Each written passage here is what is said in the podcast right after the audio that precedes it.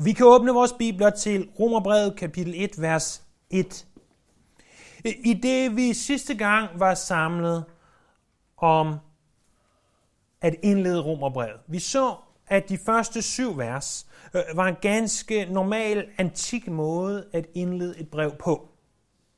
Når man for 2000 år siden skulle skrive et brev, så, så skrev man den altid noget i stil med, hvordan at Paulus' indledninger til brevene er skrevet.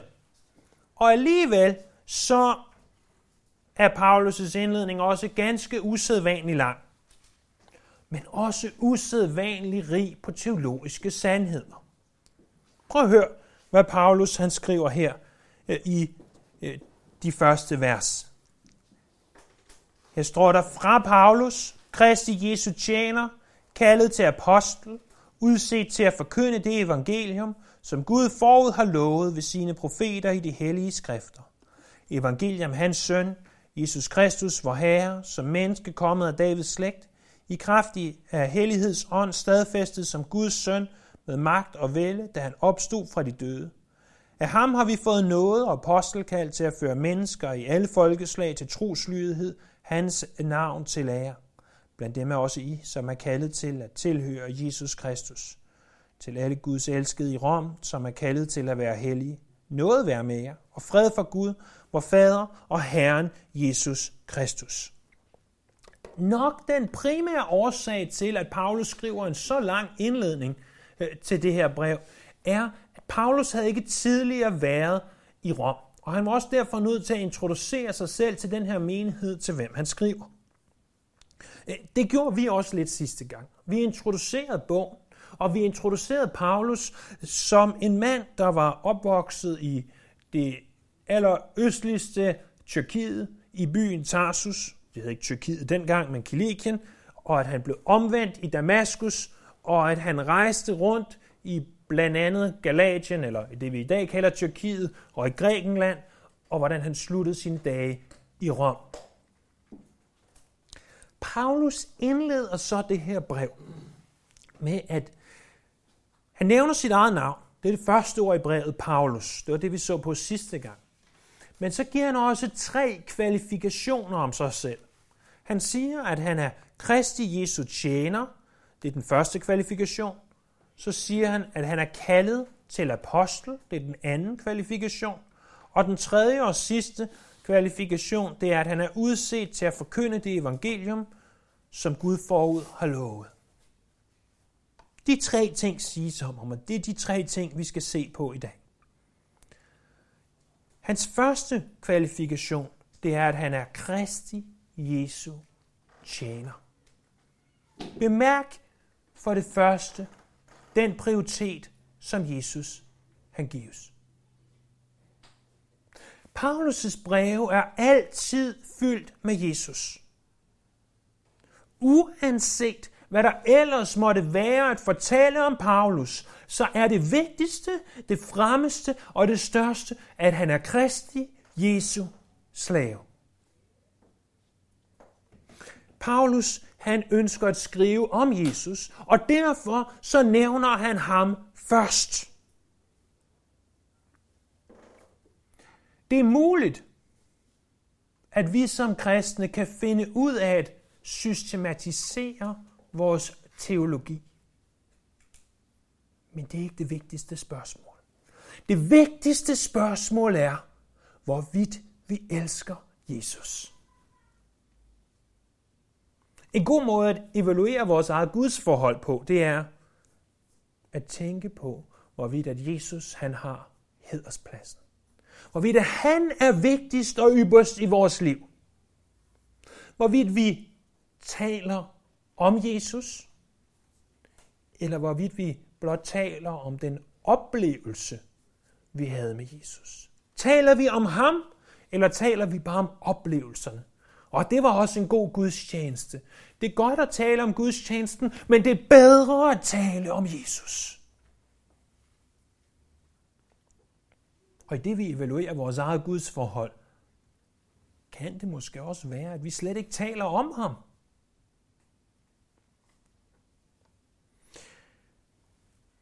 For det andet, så observer med hvilken rækkefølge Paulus beskriver Jesus. For ordenes rækkefølge er ikke ligegyldig.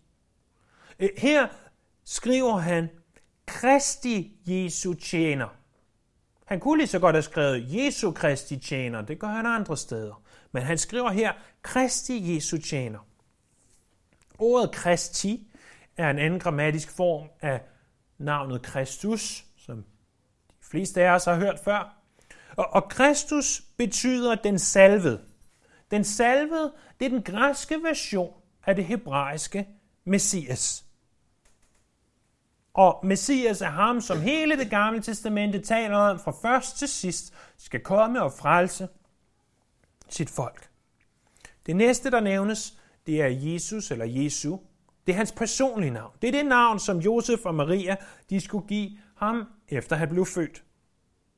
Vores fordanskede version af den forgræskede version af det hebraiske Josva, som betyder Herren frelser. Det er altså det, Jesus betyder. Det betyder Herren frelser. Kan I nu forstå, hvorfor vi synger? At det navn har sat vores sjæl i brand. Fordi at han er Herren, der frelser.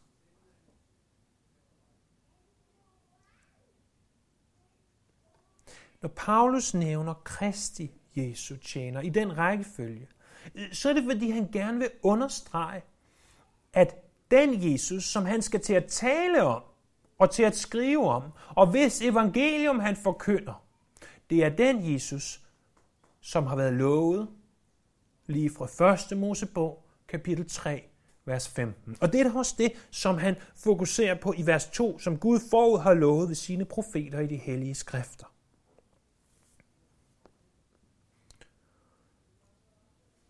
Overvej så for det tredje, hvordan Paulus han omtaler sig selv.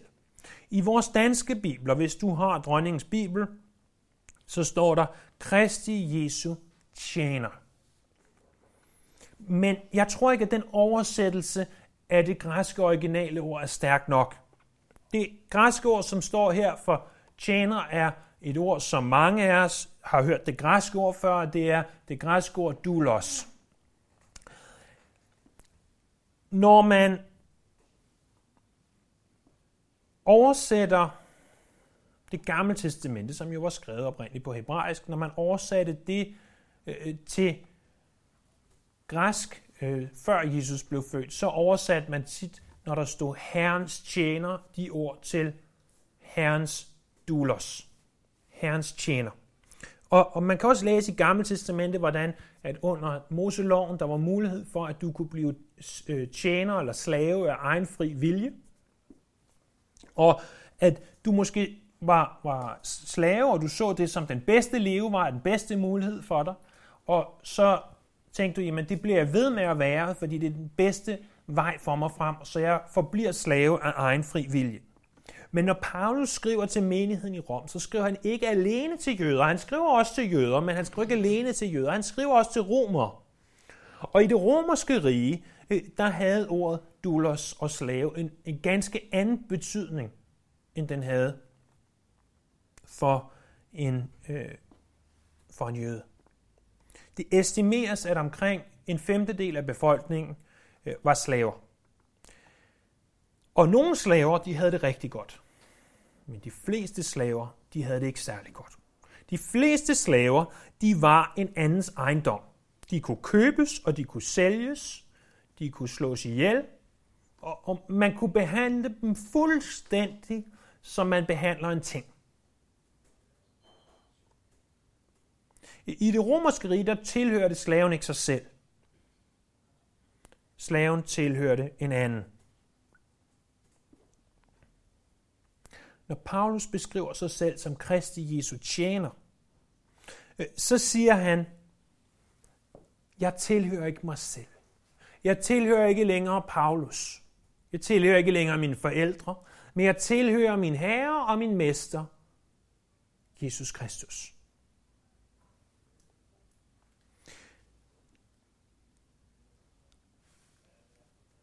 Slaven var altid tilgængelig for sin herre. Og her der er fokus ikke på alle de forfærdelige ting, som ordet slave øh, kunne tale om i, i, i den her kontekst. Men fokus er på den hengivenhed, der er til hans herre. At han havde, altid havde øje for, hvad hans herre ønskede. At være en slave, har bibelkommentatoren Moore sagt. At være en slave er forfærdeligt. Men at være Jesus slave er paradis. At være en slave er forfærdeligt, men at være Jesus slave er paradis. Når Paulus skriver, at han er Kristi Jesu tjener, at han er Kristi Jesu dulos, han er Kristi Jesu slave, så er det ikke først og fremmest for at vise ydmyghed. Det er faktisk, tror jeg, her i den her sammenhæng en anden årsag. Det er for at forklare, jeg er nødt til at skrive det her brev. Fordi jeg er tjener, eller jeg er slave for en anden, og han har sagt til mig, at jeg bliver nødt til at skrive et brev til jer. Og hvis jeg er hans slave, tjener, dulos, så bliver jeg jo nødt til at gøre det. Der er ingen vej udenom. Så med de første ord, at han er Paulus, og den første kvalifikation, at han er Kristi Jesu tjener, eller Kristi Jesus slave, der siger han altså, prøv at høre menigheden i Rom. Jeg har ingen anden mulighed, end at skrive til jer, og skrive om den Jesus, som jeg elsker. Men han har også en anden kvalifikation. Han er kaldet til apostel. Hvordan definerer vi ordet apostel? Jo, hvis vi slår op i en ordbog, så står ordet apostel som en, der er udsendt, og der er adskillige af dem i det nye testamente. Langt de fleste af dem, de er apostle med det, vi vil kalde apostle med stort A. Øh, nemlig, øh, de er udsendte, men de er mere end udsendte. Prøv en gang at se i Matthæus kapitel 10. Matteus evangeliet kapitel 10 og vers 1. Øh, Jesus, han, da han gik på jorden, øh, havde en rimelig stor skare af mennesker, der fulgte efter ham. Hovedsageligt fordi, at han helbredte de syge, og han gav mad til de sultne, og, og han gjorde mirakler. Og, og så sagde han også ting, som, som de undrede sig over. Men som regel, når han sagde alt for meget, så gik de fleste af dem. Blandt den skare, så øh, står der her i Matthæus kapitel 10 og vers 1-5, at Jesus kaldte sine 12 disciple til sig og gav dem magt over urene ånder, så de kunne uddrive dem og helbrede alle sy- al sygdom og lidelse.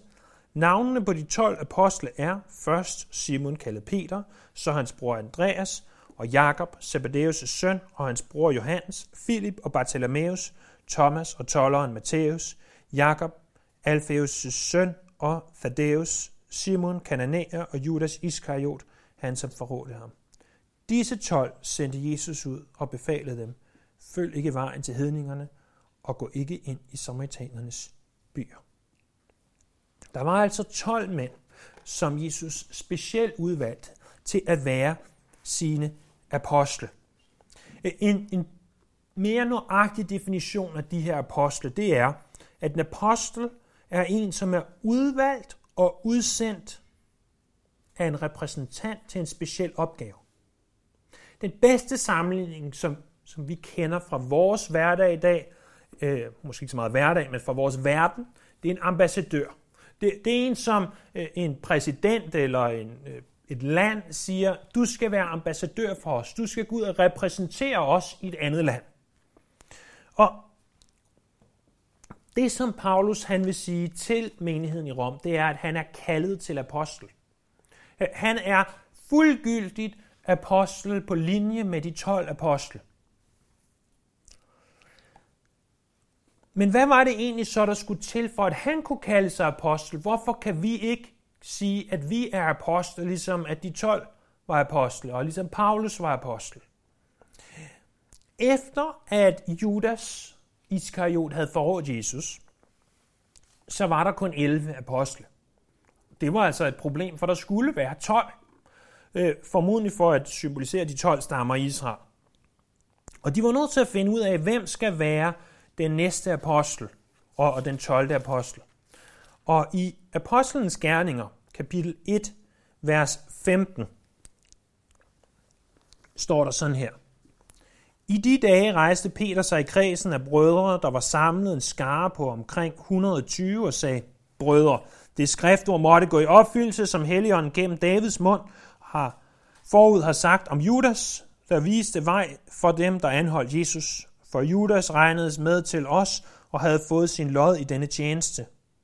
Han købte sig en mark for de penge, han havde fået for sin ugerning, men han styrtede på hovedet ned og sprængtes, så alle hans indvolde væltede ud. Og det blev kendt af alle Jerusalems indbyggere, så den mark på deres sprog kaldes Hakeldama, det vil sige blodmarken. For i salmernes bog står der skrevet, hans bolig skal blive øget, ingen skal bo i den, og en anden skal overtage hans embede. Og så siger han, derfor bør en af de mænd, som var med os hele tiden, mens Herren gik ind og ud hos os, lige fra Johannes dåb ind til den dag, han blev taget op til himlen fra os, en af dem bør sammen med os være vidne om hans opstandelse.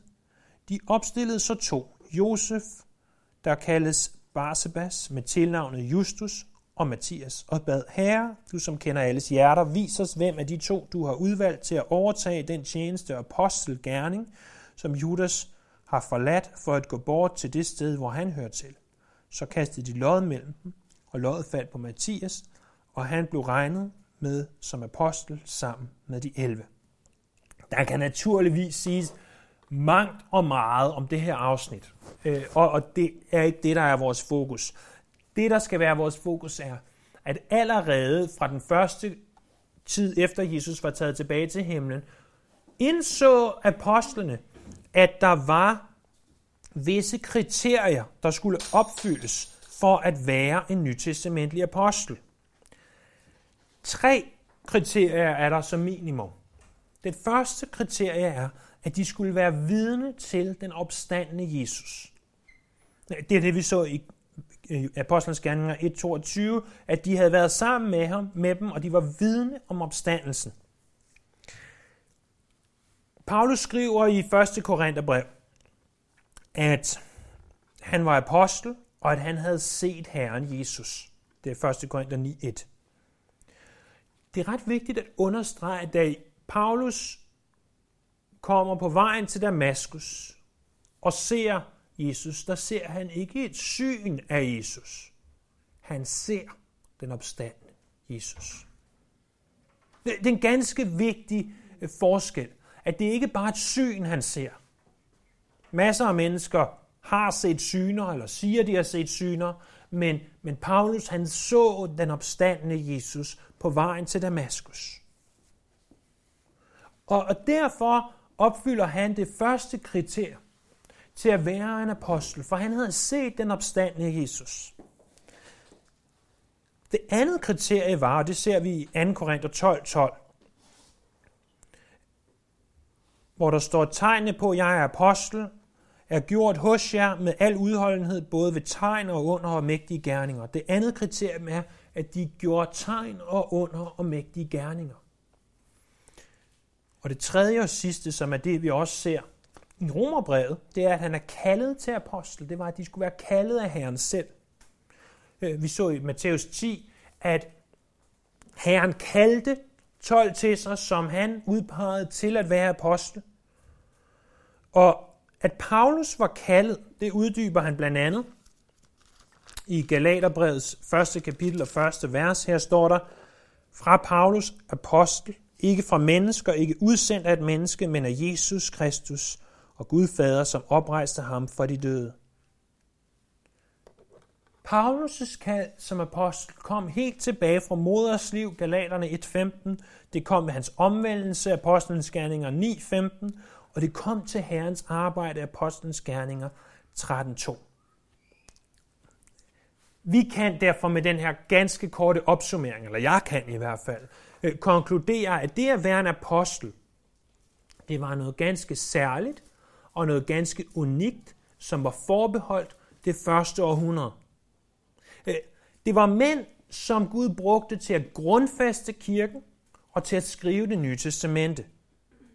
Vi kan også konkludere, at der i dag ikke findes apostle med stort A. Ja, en person kan naturligvis være udsendt, som er det, der er en bredere definition af ordet apostle. Men vi må aldrig tage de ting, der står om apostlene til os i Bibelen, og sige, at det gælder derfor også os, for vi er ikke apostle, som de var apostle. Når Paulus skriver, så skriver han ikke bare som Kristi Jesu tjener. Han skriver også som en, der er kaldet til apostel. Han skriver med autoritet.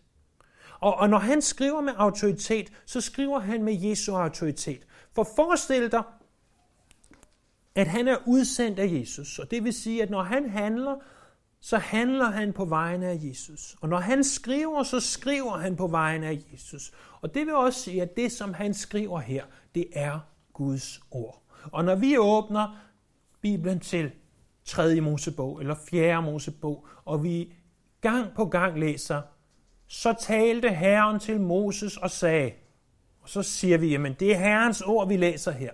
Når vi åbner Bibelen til Romerbrevets første kapitel og første vers og læser Paulus fra Paulus, Kristi Jesu tjener, kaldet til apostel, så kan vi med samme autoritet sige, at det vi læser her er Guds ord. Der er en tredje og sidste kvalifikation, han har. Det er, at han er udset til at forkynde det evangelium, som Gud forud har lovet. Han er udskilt til Guds evangelium. Udset, eller måske bedre udskilt. Igen i den græske oversættelse af det gamle testamente, der brugte man det her ord, øh, som her oversættes til øh, udset. Det brugte man til at udskille den første fødte. Øh, og interessant nok, det originale græske ord for udskilt, eller udset, det minder usandsynligt meget om det ord, der bruges for ordet farisær. Fordi at være fejser betyder også at være udskilt. Farisæerne var de her, der levede på Jesu tid. Og, og det var sådan, at hvis en farisæer kom, kom gående på den her side af gaden, og han så så dig, som ikke var farisæer, kom gående, så skyndte han så at gå på den anden side af gaden, fordi han var udskilt. Han mente, at han var noget særligt, at han havde et særligt kald for sit liv. Og jeg kan ikke andet end tro, at når Paulus gør det her, så er det en stille måde at sige, jeg var engang fariser, men nu er jeg udskilt til noget andet, til Guds evangelium. Og at det, hele den spænding, der opstår imellem loven og nåden, at den er inkluderet i det her ord. Vi kan også sige, alle kristne, det inkluderer alle os, som bekender os til Jesus, vi er Kristi Jesu slaver. Hvis du er kristen, så er du også hans tjener eller slave. Det var kun en ganske lille gruppe af mænd, som var apostle. Men der er kun én eneste, der var udskilt til Guds evangelium, som Paulus var det. Han var udskilt specifikt til at tage evangeliet til de, der ikke var jøder. Det var hans opgave, og det var han den eneste, der var, som også var apostel øh, på en sådan måde, som, som Paulus var det i hvert fald. Men prøv at bemærke det vigtigste. Hvad er det, han er udskilt til? I vores Bibel står der, at han er udskilt til at forkynde det evangelium, som Gud forud har lovet. En bedre måde, mener jeg, at oversætte derpå, det er, at han er udskilt eller udset til at forkynde Guds evangelium. Ordet evangelium betyder de gode nyheder. Det er de gode nyheder om, at til trods for, at mennesket er født i synd, til trods for, at mennesket ikke øh, kan have fællesskab med Gud, som øh, det bliver født ind i verden i dag, så sendte Gud sin enborne søn, for at enhver, som tror på ham, ikke skal fortabes, men have det evige liv. Det er de gode nyheder. Ordet evangelium nævnes seks gange i de første 17 vers. Og, og vi kan sige, at romerbrevet er en forklaring af, hvad evangeliet er. Men prøv at bemærke, hvor det evangelium det kommer fra. Det er Guds evangelium. Som Leon Morris udtrykker det, så er Romerbrevet en bog, der handler om Gud. Af alle de nytestamentlige bøger, der er kun én eneste bog, hvor ordet eller navnet, eller hvad, kald det hvad I vil, titlen Gud nævnes oftere end i Romerbrevet. Det er i Lukas evangeliet. I Lukas evangeliet nævnes Gud 167 gange. I Romerbrevet nævnes Gud 153 gange. Altså kun 14 gange mindre. Men Lukas evangeliet er den længste bog i det nye testamente. Det er Romerbrevet ikke. Den er lang, men ikke nær så lang. Og cirka en fjerdedel så lang, som Lukas evangeliet er. Og alligevel nævnes Gud igen og igen og igen. For den her bog handler også om, hvad Gud har gjort for os. Og derfor så retter Paulus igen og igen vores opmærksomhed på, at det er Guds evangelium. Det er stadfæstet som Guds søn. Det er Gud, fred fra Gud. Noget og fred fra Gud. Og det er ned i vers 9, Gud, som jeg i min hånd tjener. Det er Gud, det er Gud, det er Gud, hele tiden Gud. Det her, det er i sandhed en bog, der gør Gud større i vores liv. Paulus er altså blevet givet de her tre kvalifikationer. Han er Paulus, han er den mand, som engang forfulgte de kristne, men som nu prædiker Kristus selv. Øh, og han har tre kvalifikationer. Den første er, at han er Kristi Jesu tjener. Han er kaldet til apostel, det er det andet. Og det tredje, han er udset til at forkynde Guds evangelium. De tre kvalifikationer. Men Paulus vidste også, hvor de her kvalifikationer kom fra. Ikke fra noget i ham selv, men fra Herren Jesus selv. Den Herre, som også er han vidste, at det kom derfra. Der er en, en sygdom, som hedder tunnelsyn. Og ikke, at jeg ved voldsomt meget om den, men jeg forestiller mig, at hvis man havde tunnelsyn, så ville det være som at tage sådan en kejle op og stå og leve sit liv og kigge igennem kejlen og kun lige kunne se det, der er foran dine øjne. Du vil ikke kunne se ud til siderne overhovedet, og, og du vil kun kunne have én ting inde i kejlen.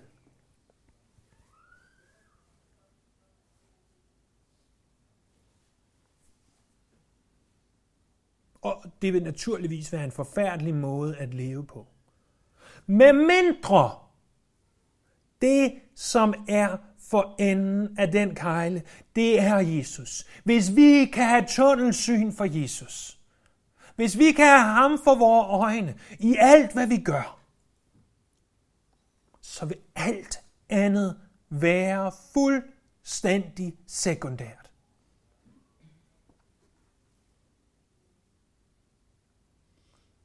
Må vi feste vores blik på ham. Må vi huske, at når vi åbner Romerbrevet, så er det her en bog, der handler om Jesus. Det er en bog, der handler om vores Gud. Det er en bog, der handler om, hvad han har gjort for os. Hvor meget han elsker os.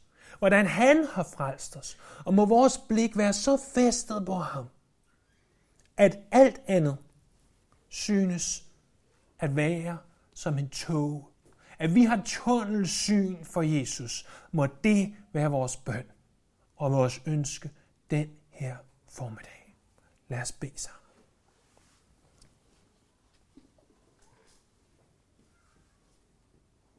Himmelske far, skaber Gud. Vi kommer til dig i Jesu navn. Fordi vi ved godt, at når vi hører, den her bog, den handler om dig fra først til sidst, og når vi taler om, at vores Guds forhold kan måles på, hvor ofte vi taler om dig, Jesus, så i hvert fald for de fleste af os, så føler vi os utilstrækkelige. Jesus, det er der, vi har behov for at blive mindet om. At få rettet vores blik tilbage på dig, som er det fyrtårn, der skinner så klart i mørket. Behov for at få tunnelsyn for dig, Jesus. At vi kun ser dig. For når vi ser dig klart, og når vi forstår, hvem du er, så tror jeg også på, at alt andet i vores liv, vores arbejde vores familie, vores ægtefælde, vores børn, vores fritidsaktiviteter, at vi ser det i et nyt livs, lys i dit lys, Jesus. Og så står det langt skarpere, end det ellers kunne stå. Så må vi vende vores blik på dig. Må det handle om dig, Jesus. Ikke mere, ikke mindre, ikke andet. Vi lover dit navn.